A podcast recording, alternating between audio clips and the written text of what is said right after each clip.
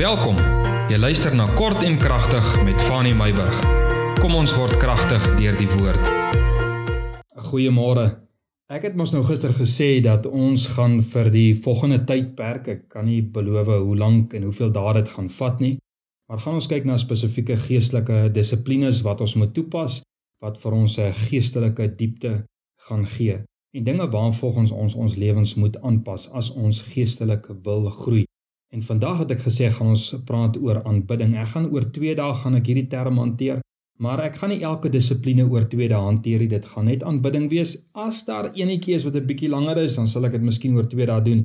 Maar net vir praktiese toepassing gaan ons eh, oor 2 dae die begrip van aanbidding hanteer. Psalm 95 vers 6 en vers 7. Hy sê kom laat ons aanbid en neerbuk Laat ons kniel voor die Here wat ons gemaak het, want hy is ons God en ons is die volk van sy weide en die skape van sy hand. Ek wil met 'n stelling vandag se lesing eintlik afskop. Hoe kan ons ooit 'n geestelike bestaan voer sonder om God te aanbid? Daar is altyd 'n vorm van aanbidding as ons geestelike mense is. Aanbidding is eintlik die middelpunt van ons geestelike bestaan. As daar nie aanbidding is nie, waarvoor is ons dan geestelike wesens? So as ons 'n definisie kan heg aan aanbidding, wat sal ons sê is aanbidding? Aanbidding is om te fokus op God en om te reageer tot God.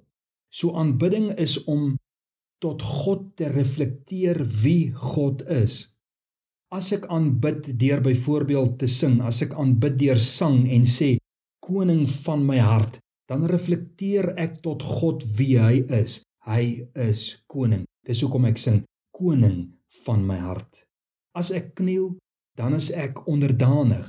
Dit is 'n teken van ek verneder my en dit reflekteer die grootheid en die almag van God.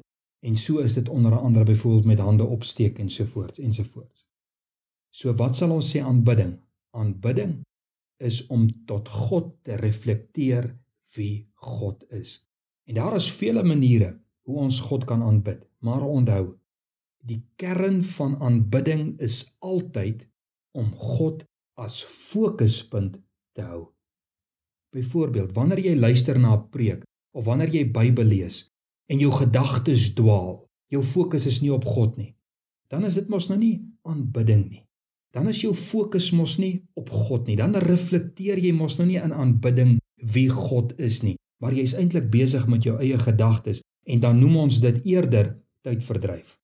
Wanneer ons sing in die kerk of elders dan nou, maar ons fokus is op die ligte en die band, die voorsangers en nie op God nie, dan is dit eerder entertainment, nê? As ons bid en ons fokus is op alles behalwe God, dan kill ons mos onsself.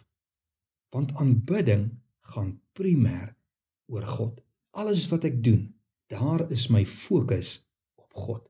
Op God se karakter, God se beeld, God se heiligheid, sy krag, sy goedheid, sy guns, sy grootheid. Aanbidding is tot God. Ons fokus in aanbidding moet op God wees, want dit is die betekenis van aanbidding.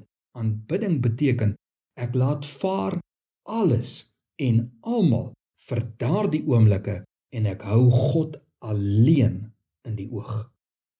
Daarom kan jy tussen baie mense staan en almal kan saam sing en jy kan as ek die woord kan gebruik weggevoer raak in die grootheid, die almag, die mooi, die liefde van God. So die volgende vraag is wat jy eintlik vir my kan vra en wat ons moet antwoord, hoe fokus ons op God? Waar met ander woorde kry ons die beeld van God waarop ons moet fokus?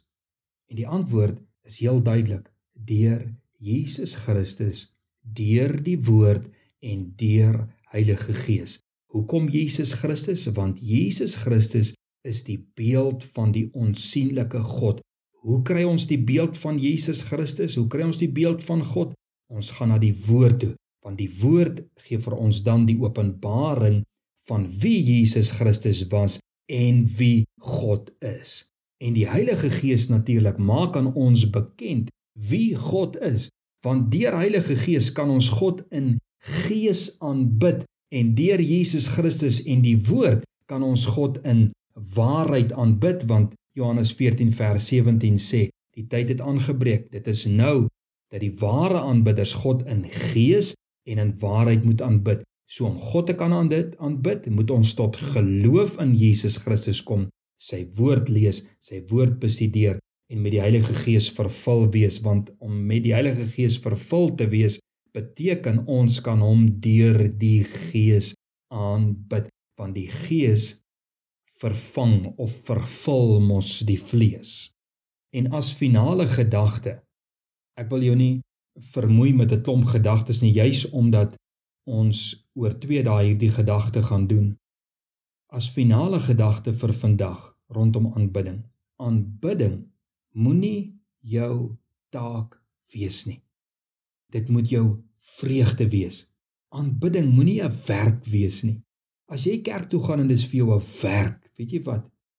Dan help dit jou niks. As om te gaan bid werk is, help dit jou niks. As jy sing en dis werk, as dit jou taak is, help dit nie. Dit moet jou vreugde wees. Aanbidding moet vreugde wees. Jy weet taakgedrewe godsdiens is plastiek godsdiens. Daar is geen vreugde in taakgedrewe godsdiens nie. Aanbidding is 'n uitdrukking van wonder teenoor God, jou liefde en eer teenoor God. Dit is aanbidding. So môre wil ek hê moet ons 'n bietjie spesifiek fokus en dan gaan ons die gedagte rondom aanbidding gaan ons nou afsluit. Dan gaan ons voortgaan, maar ek wil hê ons môre gesels oor private aanbidding en die gesamentlike aanbidding net om hierdie gedagte van aanbidding vas te maak. So kind van die Here, hier lê die resep. Wat sal ons sê is aanbidding?